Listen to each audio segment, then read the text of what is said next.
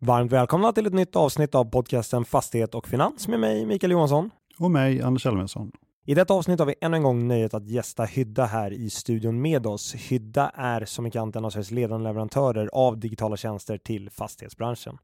Som vi nämnde i förra avsnittet grundades Hydda av starka fastighetsaktörer och investerare som Vasakronan, Brunswick Real Estate, Neptune Invest och Black Invest. Och idag har vi återigen med oss Hyddas marknads och kommunikationschef Karin Gunnerbäck i studion. Välkommen Karin! Tack så jättemycket! Jättekul att vara här igen.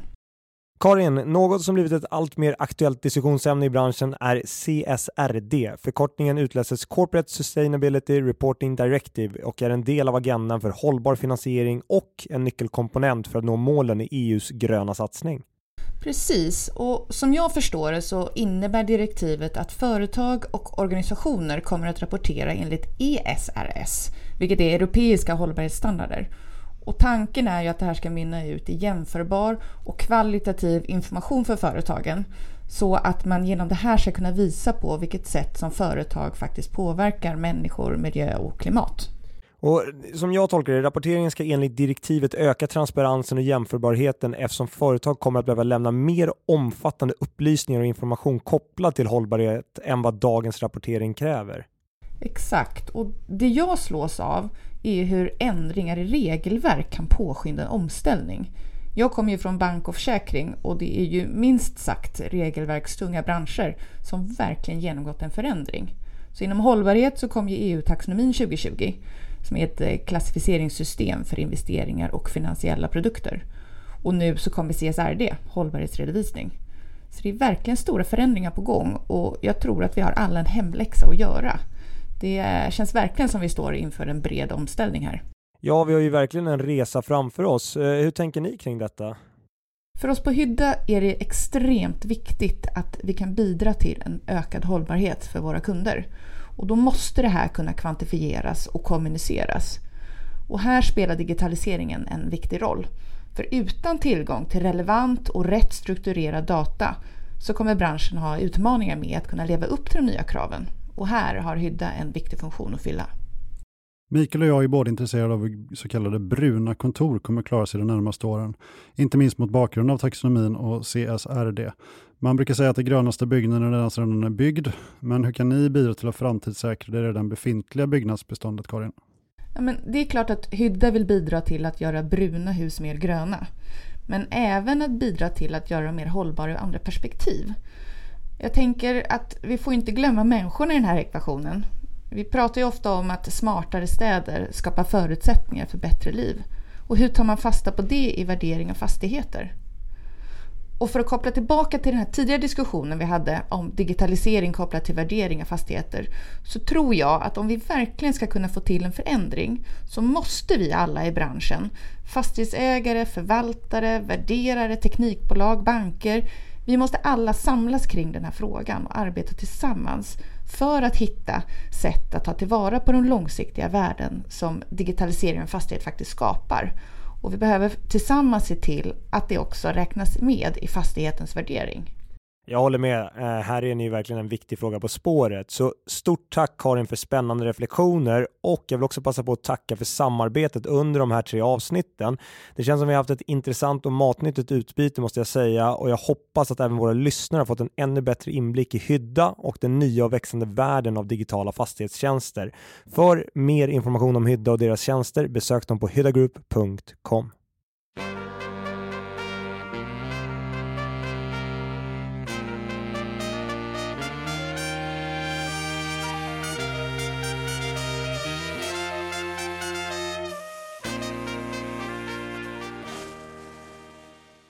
Det är idag, fredagen den 12 maj och vi har en otroligt händelserik vecka bakom oss som vi nu ska summera. Klockan är strax efter 11 på förmiddagen och eh, i rubrikerna så har vi kunnat läsa om eh, SBBs resa från en eh, kurs på runt, hur många kronor då Mikael på B-aktien? Ja, den var uppe på 60,75 kronor i slutet av december 2021.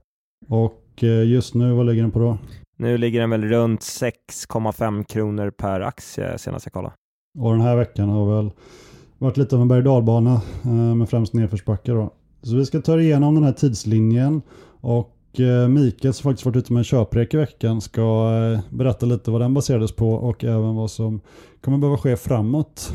Vi kommer självklart även prata lite om de andra bolagen som rapporterat, Balder bland annat. Och tala lite om direktmarknaden där vi sett ytterligare affärer inom hyresbostäder och logistik. I övrigt så vill vi passa på att eh, tipsa er om att gå in på realplay.se där jag och Mikael har spelat in tre avsnitt med fokus på Q1-rapporterna. Det första avsnittet fokuserar på driftnetto och förvaltningsresultaten och hur det utvecklas för bolagen. Sen har vi värderingarna och avslutningsvis så talar vi om nyemissioner och olika typer av aktieslag och hur det har sett ut med den typen av action som bolagen har tagit under de senaste månaderna. På tal om actions och händelser den senaste månaden så ska vi nu börja fokusera på SBB Anders och eh, vi börjar från och med SBBs Q1 den 28 april. Och I samband med att de släppte sin Q1 så kommunicerade de även att de skulle göra en nyemission i D-aktien på eh, 16 kronors nivån. Mikael, eh, aktien stod ju i princip redan i 16 kronor vid detta tillfälle. Hur eh, tänkte man? Kan du ge oss lite klarhet i det? Eh, det är en väldigt bra fråga. Jag tror att om man jämför det med Castellum så satte villkoren i deras nyemission nu långt under, eh, alltså alltså kursen långt under nuvarande aktiekurs. Ehm, så gjorde man ju det delvis för att man inte ville hamna i en situation där just teckningskursen ligger över ehm, nuvarande kurs i marknaden. Och där var väl lite väl tight från SBB. Jag tror att det som drev på det var att även på den kursen man indikerade skulle det vara en direktavkastning på 12,5 procent, vilket du alltså kan översätta till att det kapital kapitalet för SBB i emissionen skulle kosta 12,5 procent i, inte då ränta, men i utdelning per år så länge man håller upp den på D-aktien. Så väldigt dyrt kapital och det är klart att skulle du satt teckningskursen ännu lägre så betyder det att den implicita avkastningen skulle vara ännu högre och kostnaden av kapitalet skulle vara ännu högre. Ja, för det brukar väl vara så att man gör som Castellum gjorde, att man sätter teckningskursen väldigt mycket lägre och att om man som småsparare inte vill gå med i emissionen och teckna de här aktierna så kan man faktiskt sälja teckningsrätterna. Vill jag minnas. Jag har själv gjort det.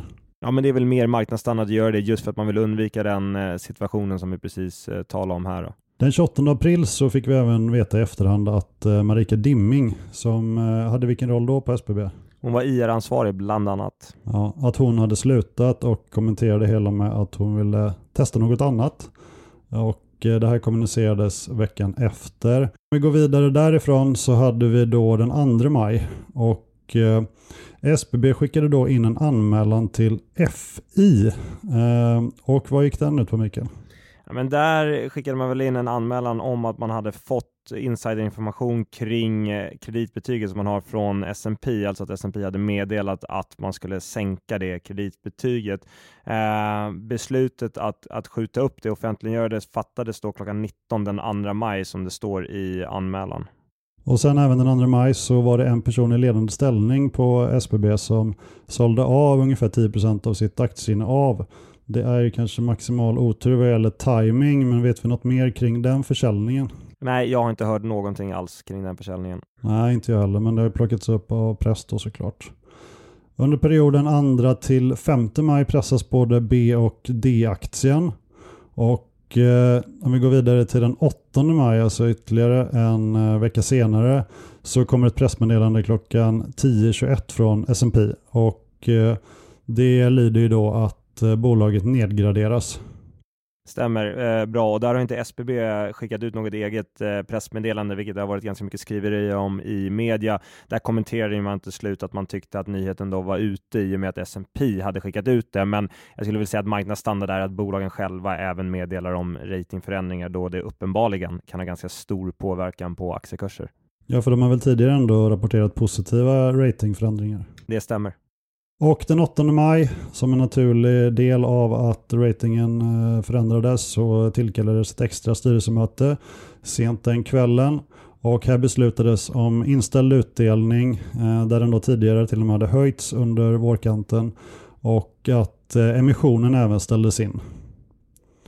Den 8 maj så gick aktien ner 20% och Eh, i och med att eh, resultatet av det här extra styrelsemötet kommunicerades på kvällen den 8 maj när börsen var stängd så fick det en direkt effekt på aktien dagen efter på tisdagen den 9 maj och den dagen så stängde aktien ned 24% Vilket betyder att totalt var man ner 39% på två dagar. Det var alltså 39 under stängningskursen på 10,5 kronor fredagen den 5 maj. Och sen fick vi reda på efterhand också att under perioden 9 till 10 maj så hade Eva-Lotta Strid, som har vilken position då inom SBB? CFO.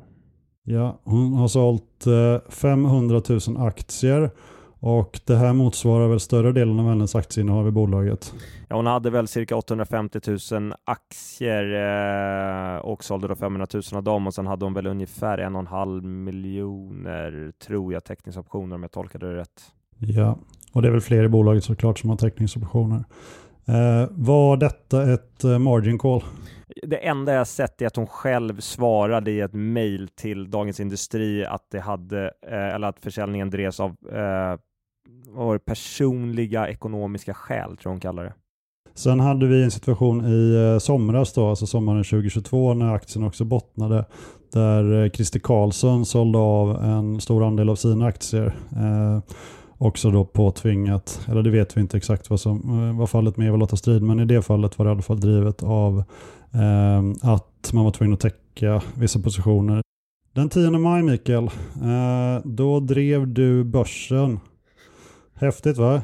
Eh, B-aktien, SBB då alltså, rusade i öppning efter att en köprek från Arctic hade släppts. Kan du kommentera vad du byggde den analysen på? Ja men absolut, jag kan väl också ta igenom det händelseförloppet den veckan från vårt perspektiv. Då. Vi kom ut med en uppdaterad analys i måndags morse då innan det här uh, nedgraderingen från S&P tillkännagjordes och den visade på en riktkurs på 13 kronor och en rekommendation som var behåll. När S&P beskedet kom så triggade det cirka 290 miljoner i ökade räntekostnader då, i utestående obligationer eh, per år. Och enligt oss skulle väl det pressa aktien cirka 10 procent i måndags. Resultatet som du sa Anders blev 20 och och det här är ju då drivet av att analytikerkonsensus behöver skruva ner estimaten kring just förvaltningsresultat eftersom man nu ökar räntekostnaderna och sen så finns det ju också en parameter i att en nedgradering allt annat lika såklart betyder väldigt mycket för ett bolag och är negativt. Så på måndag kväll kom beskedet sen då, som du var inne på, en pausad utdelning och inställd D-aktieemission och även om den senare var ganska osannolik redan innan beskedet så var dessa nyheter, om man tänker på det tillsammans, nettopositivt då, hävdar vi för aktieägarna i SBB. För att emittera kapital till 12,5% direktavkastning för att hålla uppe stamaktieutdelningen på A och B-aktier, det ligger ju inte i någons intresse egentligen. Så beskedet får alltså aktien att falla ytterligare 24% i tisdags, totalt 39%. Och vi uppdaterade vår modell efter nedgraderingen. Vi räknade på vad vi ansåg att det egna kapitalet var värt och kom då fram till att det här är värt 10 kronor. Och det betydde då 57 procent uppsida mot aktiekursen, så vår slutsats var e- egentligen att reaktionen på nyheterna var obefogat stor. Folk överdriver likviditetsrisken i bolaget och jag tror inte riktigt att man i marknaden förstått vad en high yield rating faktiskt har för implikationer i SBB, givet hur läget såg ut innan nedgraderingen. Så om vi bara summerar ihop detta anser ju vi då att nedsidan nu är ganska begränsad begränsad medan det finns en hel del saker som borde kunna lyfta aktien. Sedan så var det ju så att aktien var upp cirka 15% på dagen då innan nyheten om CFO-försäljningen kom ut. Aktien stängde då, B-aktien eh, ned 7 den dagen och D-aktien stängde på 8 kronor blankt, alltså hälften av vad man tänkte emittera nya aktier till. Eh, totalt ner 9 den dagen. Och eh, Vidare den 10 maj eh, så kommunicerades i Dagens Industri att en stor aktiepost i Fastpartner bytte ägare och tydligen skulle den här storleken på aktieposten skulle stämma ganska bra med Ilja Battlians innehav i bolaget. Är det något man har fått bekräftat att eh, Ilja har sålt aktier för att troligtvis då på längre sikt eh, betala räntor eller kupong på eh, den obligation han har utställd? Nej, men eh, för mig i alla fall, obekräftade rykten eh, gör väl gällande att det är Ilja som har sålt, ja, men, men det är som sagt inget jag kan 100% bekräfta eller dementera. Det jag däremot kan säga är att man genom ganska enkel överslagsräkning i Iljas ägarbolag, då, IB Invest, kommer fram till att han behöver frigöra ungefär 100 miljoner eh, för att täcka kostnaderna i bolaget de närmaste 12 månaderna efter det då att SBB ställde in sin utdelning. Så att det finns väl väldigt mycket som pekar på att han är säljaren, men det är ingenting som jag eh, vet hundraprocentigt. Och Ilja sitter ju på ganska många aktieposter i olika bolag i sina privata holdingbolag, så han borde väl kunna övervintra ett tag nu, tänker jag. Absolut. Eh, utöver Fastpartner så är han bland annat storägare i Logistea, eh, där det nog finns eh, intressenter om det skulle vara så att han vill avyttra de aktierna. Ja, men det är ett intressant segment. Den 11 maj så kommunicerades att styrelseordförande Lennart Schuss hade köpt 50 000 aktier på kursen 6 kronor för 300 000. Den här dagen så stängde B-aktien upp 12% medan D-aktien fortsatte falla med ytterligare någon procent. Då. Och det var väl antagligen mycket drivet av att utdelningen ställts in och att den aktien är lite i limbo, tänker jag Mikael. Ja men absolut, kring D-aktien är det ju så. I alla fall kan man väl säga just med Lennart Schüsser att det är positivt eh, med en insiderperson som köper, även om man kanske hade hoppats att den posten gärna hade fått vara lite större än vad den var. Eh, jag kan bara också flika in att jag tycker att det är lite olyckligt att bolaget eller då huvudpersonen själv, CFO i det här fallet, inte gick ut och kommenterade varför man avyttrade aktier mycket tydligare och mycket snabbare givet den eh, påverkan det hade på, på eh, aktiepriset. Det tycker jag är lite klantigt hanterat så här i efterhand. Ja, det hade väl inte varit en stor grej om man uttryckligen sagt att det var ett margin call, att man var tvungen att sälja. Nej, jag tror att det hade varit positivt i, i marknaden om man hade varit väldigt tydliga med det. Nu blir det ju istället massa spekulationer om varför den här försäljningen skedde på då vad man utifrån i alla fall kan uppleva ganska stressade och låga nivåer. Om vi stannar kvar på den 11 maj så var det ju så senare på kvällen så kom nyheten om att Eh, flera investmentbanker förberedde någon form av placing av SBBs innehav i JM och eh, ytterligare lite senare på kvällen så eh, bekräftades detta att så skett och i princip samtliga aktier hade då avyttrats till dagens stängningskurs på 148 kronor och 10 öre.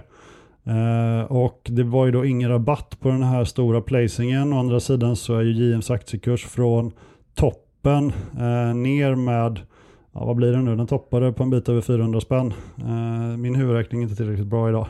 även om det brukar vara ja, nej, men den är ner en hel del såklart. Uh, är det en styrka att uh, lyckas sälja av JM-innehavet på det här viset? ja och nej. Um, styrkan är som du säger att det här gjordes till stängningspriset. Det är väldigt positivt, men det säger ju också, det vittnar vittnar om styrkan i JM. Då. Eh, jag har hört väldigt många i fastighetssektorn som har varit intresserade av den SBB-posten om man har förstått tidigt att SBB nog potentiellt sett skulle vara säljare av det här. Alltså jag tror att många gått och väntat på att den posten skulle bli till salu, även om börsen då har handlat ner det ganska rejält de senaste månaderna. Så att så här, ja, det är negativt att SBB behöver sälja JM-posten. Det är ett jättefint bolag, fint bestånd och borde kunna eh, på sikt ha, ha ett värde kanske högre än vad vi ser nu, i alla fall när aktiekursen är nedtryckt. Och Ilja har varit väldigt tydlig då, eh, och andra på SBB att den egentligen inte var till salu, för det var någonting man ville äga långsiktigt. Så av den anledningen är det såklart negativt och det sker i en eh, situation som är väldigt pressad, vilket du egentligen aldrig kanske vill vara säljare i pressade lägen. Men det som är positivt och det som vi highlightade i vår analys då, när man pratar det här med likviditetsrisk i SBB, det är att det finns olika verktyg som man kan använda för att just stärka den likviditetspositionen och här får man in 2,8 miljarder på ett bräde som är pengar som direkt kan stärka upp SBBs likviditet och göra att bolaget lättare kan hantera sina likviditetsbehov närmaste 12 månaderna. Så att, eh, jag är ändå delta positivt här, men jag förstår att marknaden ser lite negativt på det. Ja, här ska vi väl tillägga att eh, JM i mitt tycke är ett väldigt fint bolag med väldigt attraktiva projektmöjligheter och byggrätter i främst eh, Storstockholmsområdet. Och jag har själv bott i en av JMs lägenheter i Liljeholmen som vi varit inne på i ett tidigare avsnitt. Så att komma in som institutionell ägare, eh, det var väl både utländska och svenska investerare som, som nu köpte de här aktierna Eh, på de här nivåerna tror jag kan vara väldigt bra på lång sikt. Då har vi hunnit gå igenom samtliga nyheter fram till och med igår, alltså den 11 maj. Idag den 12 maj så är det inget nytt på horisonten, i alla fall här nu fram till lunch, som vi kan rapportera om. Eh, Mikael, jag är lite intresserad. Eh, SBB får ju ökade lånekostnader då. Dels genom att det var ett banklån som jag förstår det som eh, banken då kunde avkräva återbetalning av i och med att den här nedgraderingen kom och eh, sen har vi step-up mekanismer i ett par av obligationerna. Kan du inte berätta lite mer om hur det här funkar? Absolut. Eh, I tillägg ska jag bara säga till eh, det här lånet då, så hade man även en kreditfacilitet som man skrev i årsredovisningen kunde då återkallas från banken om man blev nedgraderad till high yield, så den var väl på 1,4 miljarder om jag inte missminner mig. Men det här med step-upen i obligationerna, det är faktiskt ganska straight forward att i vissa av de utestående obligationslånen så kan det finnas då en klausul som säger att om bolaget i fråga blir nedgraderat till high yield då, från investment grade, vilket var det som hände SBB, då ska räntan på kupongen öka, oftast då med 1,25 procent och det är för att helt enkelt kompensera investerarkollektivet för att marknadsvärdet på lånet sjunker då en nedgradering av en rating i grund och botten ska reflektera ändå en ökad kreditrisk. Och i SBBs fall så hade obligationer med ett nominellt värde om 23 miljarder då, den här step-upen inbakad, vilket gör att SBBs räntekostnader då ökar med cirka 285 miljoner per år, då, vilket de även själva var ute och, och bekräftade ganska tidigt i veckan. När det gäller bankutlåningen är det så att man kan ju absolut stipulera i låneavtal att en viss facilitet då som jag var inne på, är gällande så länge en viss nivå på den officiella kreditraten upprätthåll. Och jag är även av uppfattningen att nivån på en kreditrating kan påverka den kreditspread som bankerna tar då i sin utlåning. Eh, hur exakt det här ser ut för SBB, det är ju inte publik information, men det finns absolut, eh, det är absolut en, en faktor att, att ta i beaktning givet nedgraderingen. En annan av veckans artiklar kring SBB är ju att de då garanterat värdet av 44 miljoner D-aktier till Läringsverkstädet. Jag tog ingen rätt i mun tror jag jag fick till det där. Och eh, det här är då D-aktier som de fick som delbetalning för en förskoleportfölj och de ska väl ha garanterat de här D-aktierna med en kurs på, var det 31 kronor per aktie? Stämmer, stämmer. Eh, och den potentiella förlusten här då ner till 8 kronor eh, blir som jag förstår det över en miljard. Har SBB andra garantier utställda som kan komma tillbaka och bita dem där bak eh, nu när SBBs aktiekurs sjunkit som en sten? Eh, framgår det här av årsredovisning och liknande eller är det någonting som kan komma upp senare? Ja, men det där är en väldigt svår fråga att svara på. Visst kan det vara så, men jag måste säga att jag inte är medveten om att någon annan typ av garanti ska existera. Rimligtvis så borde man ju lyft det i sin årsredovisning kan jag tycka när man valde att lyfta fram just den här D-aktiegarantin och man skrev även då i den senaste Q1-rapporten att en miljard av kassan som fanns på balansräkningen var eh, restricted eller pledge. Jag hittar inte svenska ordet nu Anders, du får hjälpa mig om du kommer på det. Men eh, det är alltså pengar som, som är låsta och inte kan användas fritt. Så att det borde bara vara den garantin, men man får väl vara ödmjuk för att det kan absolut finnas saker som ligger utanför balansräkningen här som vi inte vet om idag. Och sen då att eh, bolaget blev nedgraderat, det gör att vissa fonder som trackar vissa index då inte kan eh, ha SBB i portföljen i och med att utdelningen är inställd. Och det här kan ju få negativ påverkan och ett säljtryck. Vi har till exempel Blackrock som är stor ägare. Hur tror du det kan påverka deras innehav framåt? Ja, men eh, jag är väldigt glad att du ställer frågan, för att här vill jag inleda med att ingen verkar uppmärksamma det som kom igår kväll, nämligen flaggningsmeddelande i SBB, där det verkar, eh, i alla fall så som jag tolkar att Blackrock har sålt av sina 5% under början av veckan. Och 5% betyder ju cirka 600-700 miljoner i aktier som ska ut. Det är lika med, det är såklart att det sätter väldigt press på kursen och det är nog delar av förklaringen till varför reaktionen var så kraftig i måndags och tisdags som vi, vi såg. SBB blev eh, för en tid sedan uppgraderade till OMXS30, alltså storbolagslistan. Ett index som många av fonderna trackar och därmed ska ha de aktier som ingår i indexet i sin eh, portfölj.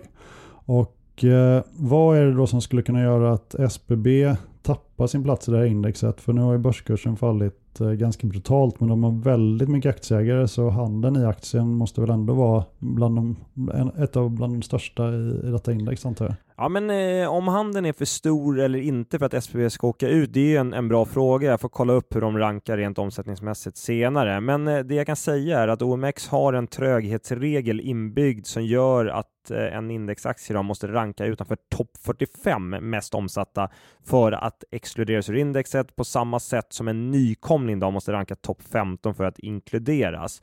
Eh, om SBB skulle åka ut är det absolut som du är inne på Anders att många indexfonder som eh, som äger det här ska ut och eh, sälja SBB-aktier och allt annat lika så kommer det pressa kursen från dagens nivåer. Sen har vi en potentiell White Knight som skulle kunna gå in och, och hjälpa fler av de svenska bolagen. Eh, vi har John Fredriksens investmentbolag Gervian Trading, alltså en eh, redarmiljardär som redan var inne i Fabege men nu gick ut med ett flaggningsmeddelande på att eh, man gått över 5% i, i ägande i bolaget och Fredriksens nordiska börsportfölj värderas per onsdagen den här veckan då till en bit över 50 miljarder. Så det finns ju ansenliga pengar här och potentiellt placera. Nu när eh, Akelius verkar vara rätt nöjd med sin investering i Castellum, även om man säkert skulle vilja öka lite där. Eh, kan det vara så att eh, norska olje och redarpengar kan komma in och rädda en del av de eh, svenska börsnoterade fastighetsbolagen som skulle kunna behöva eh, lite mer eget kapital. Ja, men om vi börjar med att titta på ägandet i svenska fastighetsbolag bland norrmän så är det idag ganska begränsat. Egendomsspar äger ju 26 procent av Pandox, är största ägare där, men utöver det är det väl ingen tydlig stor ägare i något svenskt bolag vad jag kan komma på eh, sådär på rak arm. Eh, men hur som helst, Geveran köpte ju exempelvis ut Nor Norwegian Property från börsen under sommaren 21 och de är väldigt duktiga, eh, tycker jag då, i alla fall den uppfattning jag har fått, eh, med exponering mot en rad olika sektorer. Eh, jag tycker eh, att det verkar vara en aktör som har eh, en väldigt stor kunskap inom just fastigheter då, och uppenbarligen har de sett något de gillar i Fabg. Min gissning är att det är bolagets projektportfölj ehm, som varit ganska avgörande i att de kliver in då, i kombination såklart med den stora rabatten mot rapporterat substansvärde. Eh, jag råkar ju som du vet Anders jobba på en norsk firma med en väldigt stark position i den norska kapitalmarknaden vill, vill jag påstå och jag kan säga att intresset för min expertis och min kunskap eh, har ju ökat enormt här senaste 12 månaderna, både internt men kanske framförallt bland våra norska kunder. Så det jag kan säga är att i Norge följer man den svenska fastighetssektorn med väldigt stor noggrannhet och det finns mycket kapital som är beredd, beredd att investera. Där handlar det mer om timing och även vilka då bolag man anser faktiskt vara eh, attraktiva. Ja, men spännande. Kunde du inte sagt till mig innan bara hur Geveran uttalades? vad, vad sa jag då?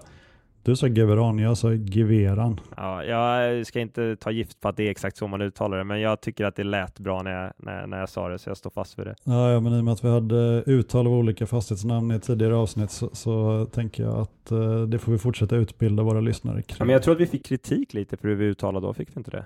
Vilket då? Ja men eh, Trianon och lite olika Trianon, ja, säger man inte så? Ja, jag vet inte, folk säger fortfarande lite olika tycker jag. Min kusin eh, spelade in hur man uttalar det med skånsk brytning. Jag kommer inte exakt ihåg hur det lät. Det kanske inget vi ska, vi ska härma. Nej, äh, vi går vidare. Mikael, du motiverar ju då vad som driver er eh, köprek i SBB, men kan du ge mig din hisspitch på vad det är för positiva saker som behöver ske för att aktien ska lyfta härifrån? Det vi ser är, det är främst en femstegsraket faktiskt. För det första är det så att underliggande portfölj måste då fortsätta leverera så pass starkt som den har gjort. Det tycker jag man glömmer bort i det här, men de levererade alltså 13,4% tillväxt i jämförbart bestånd enormt starkt och vi pratar lite om det i ett av Real Play-avsnitten som, som har kommit ut redan. Eh, sen är ju steg två att stärka likviditeten från vad vi anser har redan en okej okay nivå, men vi tror att det är viktigt att stärka den eh, mer och det gör man ju främst genom att avyttra JV-innehaven och aktier, vilket dessutom leder till ökad transparens. Så av den anledningen anser vi då att JM-försäljningen var, var väldigt positiv och vi hoppas också på att likviditeten kan stärkas genom att få loss pengar från Brookfield-samarbetet, om vi ska kalla det där. Där ligger ju SBB fortfarande med 14,5 miljard i finansiering ner till det bolaget. Så allt man lyckas refinansiera i Brookfield blir då eh, likviditet som frigörs i SBB för att kunna hantera deras skuldförfall. Sen steg tre så är det just varför jag tjatar om likviditet. Det är för att det ska användas för att skapa värde för aktieägarna i längden och det kan du göra genom att köpa tillbaka skuld, D-aktier, stamaktier väldigt billigt givet hur det prissätts i marknaden idag och på så sätt så ökar man ju då intjäningen per aktie, vilket är enormt viktigt att titta på. Eh, punkt fyra är ju att nedgången i aktiepriset ändå ökar någonstans sannolikheten för M&A, även om det finns en del faktorer som talar emot ett bud på hela bolaget så som det ser ut idag. Och sen sista punkten i SBB är att de har en del attraktiva tillgångar i den fastighetsportföljen som borde kunna avyttras på någorlunda nivåer för att ta ner i finansieringsrisken. Jag sitter inte och säger att hela portföljen är fantastisk, men det borde finnas en del tillgångar i 135 miljarders bestånd som ändå attraherar intresse från både utländskt och eh, inhemskt, säger man så, kapital. Är 135 miljarder exklusive eller inklusive Educo? Eh, inklusive. Eh, så dra bort eh, 22 miljarder för den delen som relaterar till eh, Brookfield egentligen. Det blev en lång summering av senaste två veckornas händelser kring SBB och eh, det kommer säkerligen finnas en hel del till att prata om närmaste veckorna så vi får se hur eh, tiden ser ut för oss båda Mikael att spela in ytterligare avsnitt för det är klart vi ska följa händelseutvecklingen speciellt nu när du har köprek ute. Eh, förresten, är köpreken, hur länge gäller en köprek? Eh, tills man kommunicerar någonting annat. Ja, ah, då är vi med på det också. Då går vi vidare till nästa segment helt enkelt.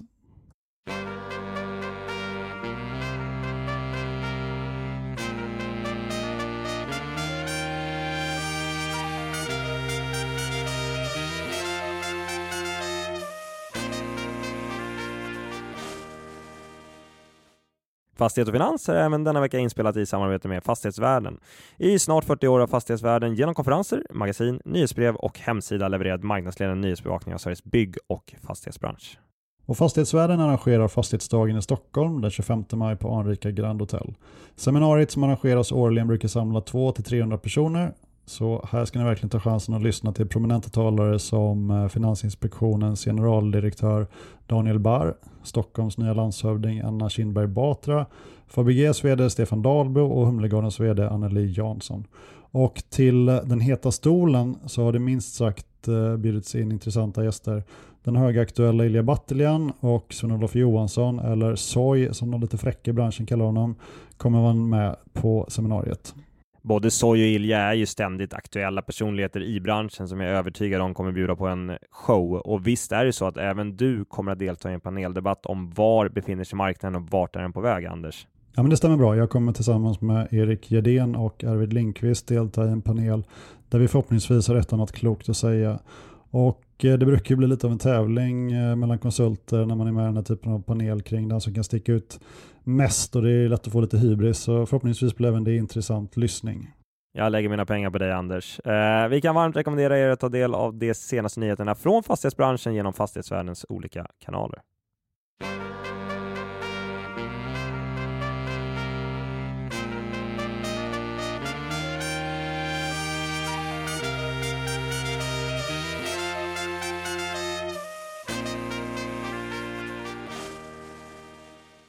Transaktionsmarknaden var ju svag under det första kvartalet. Transaktionsvolymen uppgick till ungefär en fjärdedel av motsvarande period förra året och under april månad så har det väl kommit igång lite grann. Vi har sett en del affärer inom både logistik och hyresbostäder. Senast i raden här så var det Trianon, eller Trianon, Trianon säger vi, eh, som avyttrat ett större bestånd på 1,3 miljarder, främst eh, bostäder i eh, Skåne. Eh, till eh, den privata investeraren Stjärnplan. Och eh, här fick man delvis betalt i aktier vilket såklart underlättar köpet. På sikt så är det väl inte omöjligt att man kanske går till börsen då med det här beståndet och man dubblar ungefär beståndet så det är närmare 3 miljarder totalt sett. Bostäderna gick på en kvadratmeterpeng på ungefär 20 per kvadrat, eller i princip exakt 20 per kvadrat och Eh, lägger man in eh, 500 spänn i kostnad per eh, kvadratmeter för det här beståndet och går på det hyresvärde som kommunicerades så blir yielden precis strax under 4%. Då. Sen har vi även K2A som har avyttrat i två affärer. Dels till Resinova som innan dess köpte från JM men även till Sävils IM. Så det finns en del affärer att gå på nu faktiskt vad gäller just hyresbostäder vilket är, eh, ger lite trygghet till en eh, fastighetsvärderare och även till en investerare som är på köpsidan då såklart. Sen har vi ju Doxa som kanske är lite oväntat eller inte så oväntat i och med att eh, ägarkonstellationen är lite likartad i de olika bolagen. La bud på Serneke och det skedde ju såklart till en premie men från vilken nivå då egentligen? Mikael, vad är din kommentar på den här affären? Sanic är ju ett byggbolag, så här pratar vi ju inte i termer, bara för att vara tydliga med det, av premie eller rabatt mot substansvärde. Däremot så var ju kursen då, eller budet en rejäl premie mot just stängningskursen dagen innan, 83,4 procent närmare bestämt. Så jag följer inte Serneke, så ska inte uttala mig om budnivån, men uppenbarligen anser Doxa att det är värt mer än börsen. Och jag tycker spontant att renodlingen av verksamheten som man kommunicerade att man vill göra, den känns intressant. Eh, att ha båda delarna under samma tak har ju visat sig historiskt att vara ganska knepigt. Eh, vi ska också notera här att betalningen sker med nyemitterade aktier i Doxa och inte med cash. Då. Ja, vilket också underlättar såklart. Uppenbarligen finns det en del framtidstro kopplat till hyresbostäder och, och kanske främst då nyproducerade hyresbostäder med investeringsstöd vilka är upplåtna med en lite lägre hyresnivå. Det är därför man får investeringsstödet för att underlätta möjligheten för eh, en del personer att få tag i en lägenhet. Eh, här ser man väl lite mindre risk på, på nedsidan vad gäller både omflyttning och, och även hyresnivå på längre sikt och möjligheten att eh, få upp den här. Då. Men just att få upp hyresnivån på sikt där, hur tänker man tror du som köpare här? Är det att eh, hyresbostäder ska kompenseras för det man inte fick då i år, eh, om vi tittar på inflationen vs hyreshöjningen? Tror du att man räknar med att det ska tas igen de närmaste åren när man gör den här typen av köp? Nej, men jag tänker om man, om man köper någonting och tillträder under 24 när inflationen säkerligen har kommit ner en hel del. Och eh, när man som eh, hyresgästförening kanske tänker att man som fastighetsägare borde få en liten kompensation för att det var så stor spread mellan inflation och hyresjustering 2023 Eh, så har man ett ganska fint utgångsläge inför kommande år. För ser man tillbaka, om vi backar bandet till 2022 och går tio år tillbaka därifrån så har ju faktiskt hyresjusteringarna för hyresbostäder överträffat inflationen. Ehm, så man väger in det tillsammans med det faktum att man kanske överträffar eh, inflationen under 2024 så, så, ser det ju väldigt bra ut. Däremot eh, om man jämför det med det kommersiella beståndet, det ska man ju såklart dela upp i olika subgrupper. Eh, men här kan det faktiskt läggas en våt filt eh, om vi får ökade vakanser och lite press på marknadshyrorna. Eh, så ja, hyresbostäder tycker jag ser mer attraktivt ut. Jag kan ju upplevas som negativ, men jag skrev faktiskt ganska positivt inlägg på LinkedIn här om hyresbostäder när jag summerade april månads transaktionsmarknad. Där bland annat då bristen på tillkommande utbud kommande åren kan göra att det som är byggt blir mer attraktivt. Och svårigheten att förvärva sitt boende och köpa en lägenhet eller radhus gör att man eh, blir tvungen att fortsätta hyra sin bostad eller att man som förstagångsköpare inte har möjlighet att köpa utan istället då tvingas in i en hyresrätt. Så det finns en hel del eh, fundamentala saker som, som talar för hyresrätten på eh, medellång sikt i alla fall. Sen har det även skett en hel del vad gäller logistikfastigheter. Vi hade Genesta som förvärvade en logistikfastighet på eh, närmare 46 000 kvadratmeter i eh, Jönköping. Fullt ut hit till eh, Huskvarna. Säljare här är Infrahubs som har Catella som ägare. Här fick vi ingen information alls om pris och yield. Vidare så köpte Platser ut Bockasjö i en väntad affär. Då är det fastigheter för ungefär 1,5 miljarder som har sålts av och och eh, då blir platser återigen 100% ägare till de här fina Göteborgsfastigheterna som summerar till ungefär 90 000 kvadratmeter. Och eh, prisöverenskommelsen eh, ska enligt uppgift vara uppgjord på marknadsmässiga villkor. Gilen dock ligger på ungefär 4,5% när man räknar på det och det ligger väl något under den marknadsmässiga yield som vi anser eh, vara fair för den här typen av produkter. Vi skulle väl snarare gilla det på någonstans 4,75. Och eh, sist men inte minst så har vi Inlog som har tecknat avtal om att sälja en större logistikfastighet på drygt 62 000 kvadratmeter under uppförande i Norrköping till Blackrock som vi tidigare nämnt har köpt en del logistikfastigheter de senaste månaderna i eh, regionstäder. I den här affären är det heller ingen uppgift om prisyield som man kan gå på men 5,25 är i alla fall den prime yield vi sätter i regionstäder av den här typen som vi nu diskuterat.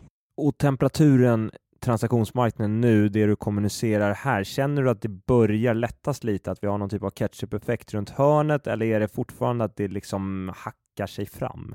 Nej, jag skulle nog säga att det hackar sig fram. Däremot ser vi att det finns en hel del eh, smala processer och market-affärer som är pågående och som jag hoppas och tror kommer kommuniceras här innan vi går på semester allihop. Eh, och då kanske vi går på semester med lite mer hopp om eh, framtiden och transaktionsmarknaden när vi sen är tillbaka bakom kontorstolarna, eller på kontorsstolarna bakom skrivborden i höst. Mikael, vi var lite inne på Castellums nyemission och eh, jag skulle gärna vilja att du drar lite kring detaljerna i emissionen. Eh, vad man som aktieägare, eh, hur man ska resonera helt enkelt och kanske om du kan eh, toucha lite på om man kan tyda något kring Akelius intentioner och hur han ser på att öka sitt innehav här i och med de villkoren som man nu gett. Jag tror att han i och för sig vill öka sitt innehav, men, men teckningskursen sattes ju på en väldigt låg nivå eh, som vi var inne på från början, mest troligen för att undvika SBB-aktiesituationen, där alltså kursen gick under teckningskursen ganska snabbt efter annonseringen.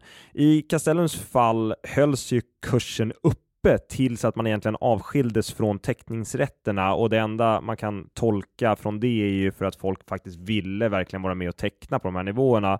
Och eh, i övrigt är det väl inte så jättemycket att säga om det. Som aktieägare är det ju bara väldigt viktigt att man antingen tecknar eller säljer sina teckningsrätter för att i annat fall blir man utspädd och det är väldigt mycket. mycket. Eh, bolaget får ju samtidigt här in 10 miljarder och kommer ha rejält torrt eh, krut i ladan för att börja fokusera på att utveckla verksamheten igen. Och Akelius skulle ju kunna utöka sitt ägande på tre sätt egentligen. Antingen om emissionen inte blir fulltecknad, då är han en av garanterna.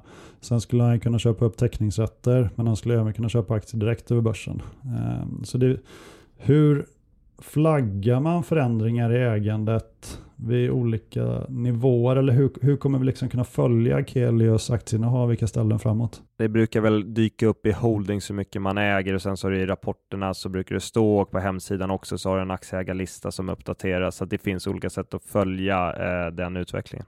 Och hur långt lagg är det i holdings från köp till att det kommuniceras eller finns i databasen? Det är en bra fråga, det vet jag faktiskt inte. Det får vi ta in någon från holding som kommenterar.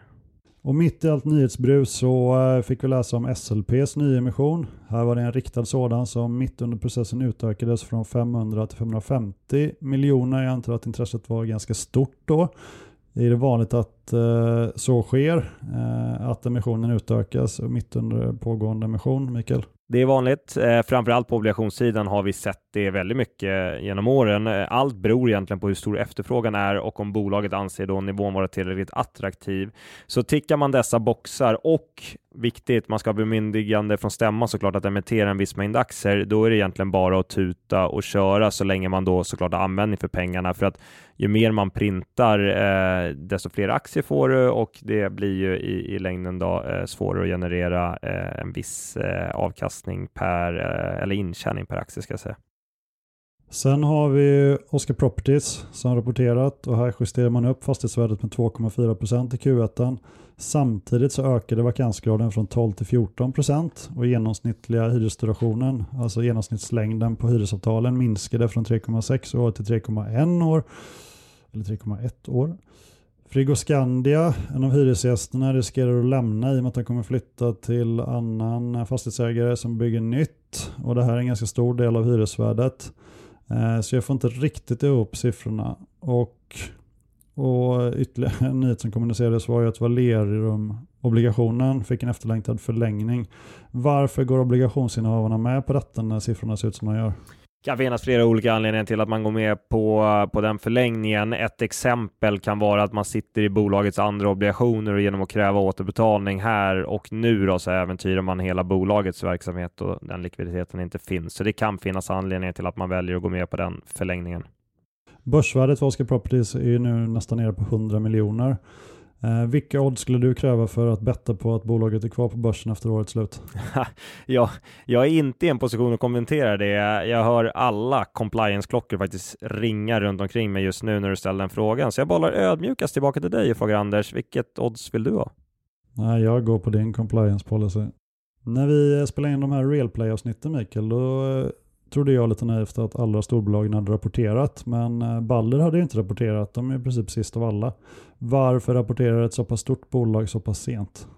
Det är en bra fråga. Balder brukar vara sena med rapporten. Eh, Erik Selin är väl kanske inte känd för att älska analytikerkålen eh, och så vidare i samband med rapporten och hans vd-ord brukar dessutom innehålla begränsat med information. Självklart så är det så i Balders rapport att den begränsade nedskrivningen satt om, framförallt över en längre tidsperiod, den är anmärkningsvärd, även om de levererade ett, ett resultat som var ganska i linje med våra estimat i övrigt. Då. Eh, Balder internvärderade återigen hela beståndet kan vi ju konstatera och här bör det ju komma värdenedskrivningar under året tycker vi. I övrigt så var rapporten väldigt stabil, intäkter något under konsensus, en fortsatt låg vakansgrad och en oförändrad guidning på SEK 6,2 miljarder för årets förvaltningsresultat. Och vid vidare så kan man väl säga att Balder har sådär eh, 25 miljarder i likviditet medan låneförfall närmaste två åren är just cirka 25 miljarder. Majoriteten av det är alltså banklån som man förväntas att kunna rulla. Så Balder står stabilt oavsett vad prissättningen på obligationsmarknaden indikerar, tycker i alla fall vi på Arctic. Då. Eh, vi kan väl flika in här att även Sagax rapporterade denna vecka eh, och de levererade en oförändrad guidning de också. Och även om jag bara hunnit kolla som hastigast på rapporten, jag får läsa ikapp lite i helgen, eh, så såg den oförskämt bra ut med vissa nyckeltal på nivåer som andra bolag bara kan drömma om. Och om vi ska avsluta på eh, en positiv note, som man säger, så var ju Selin ute här och ville tona ner riskerna i sektorn. Eh, och i mångt och mycket håller jag med om honom om att den operationella risken är begränsad. Eh, men vi har varit inne på att det operationellt kommer se lite svagare ut framåt. Däremot så har han ju helt rätt i att det finns en hel del osäkerheter i en del av börsbolagen kopplat till deras finansiering och, och räntekostnader på sikt då. Eh, främst kopplat till hur man kan refinansiera obligationer. Vi har sett en del artiklar också på det där man tillfrågat utländska experter som har varit väldigt oroliga för de här 450 miljarderna i obligationer som kommer behöva refinansieras de närmaste åren. Hur orolig är du Mikael som en avslutande kommentar? Ja, men det är klart att man är orolig och just den problematiken med en stor mängd skuld i obligationsmarknaden, koncentrationen i svensk obligationsmarknad på fastighets obligationer och då även koncentrationen i banksystemet. Det här gör att vi har någon typ av triangel av beroende som såklart framkallar en situation där finansieringsrisken ökar. Att vi dessutom har en tendens i svensk fastighetsmarknad att ligga med kort finansiering på väldigt långsiktiga tillgångar är kanske en kombination som man i resten av världen inte tycker är speciellt eh, lämpad eller speciellt bra. Så det, det, är klart att man är orolig. Det är klart att det kommer behövas till massa med saker här de närmaste åren för att lösa den situationen. Så att det gäller att titta väldigt noga på varje eh, individuellt case för att försöka förstå vilket, vilka möjligheter det enskilda bolaget har att hantera sina förfall i, i obligationsmarknaden. Och med det så tackar vi för oss och Mikael, ska du dra vår compliance provision? Idag är det väl högst lämpligt att göra det att allt som jag och Anders har sagt i denna podcast ska inte tolkas som varken en köp eller säljrekommendation i något finansiellt instrument. Och det instämmer jag i självklart. Och eh, om ni inte uppfattade när vi talade om våra avsnitt på realplay.se så påminner jag igen. Ni kan gå in och lyssna lite mer kring hur vi såg på rapporterade bolagen i eh, Q1 på realplay.se. Och vi kan väl avsluta med att tacka våra samarbetspartners Hydda Group och Fastighetsvärden och även våra arbetsgivare Arctic Securities och Cushman Wakefield. Tack för oss. Hej då. Hej då.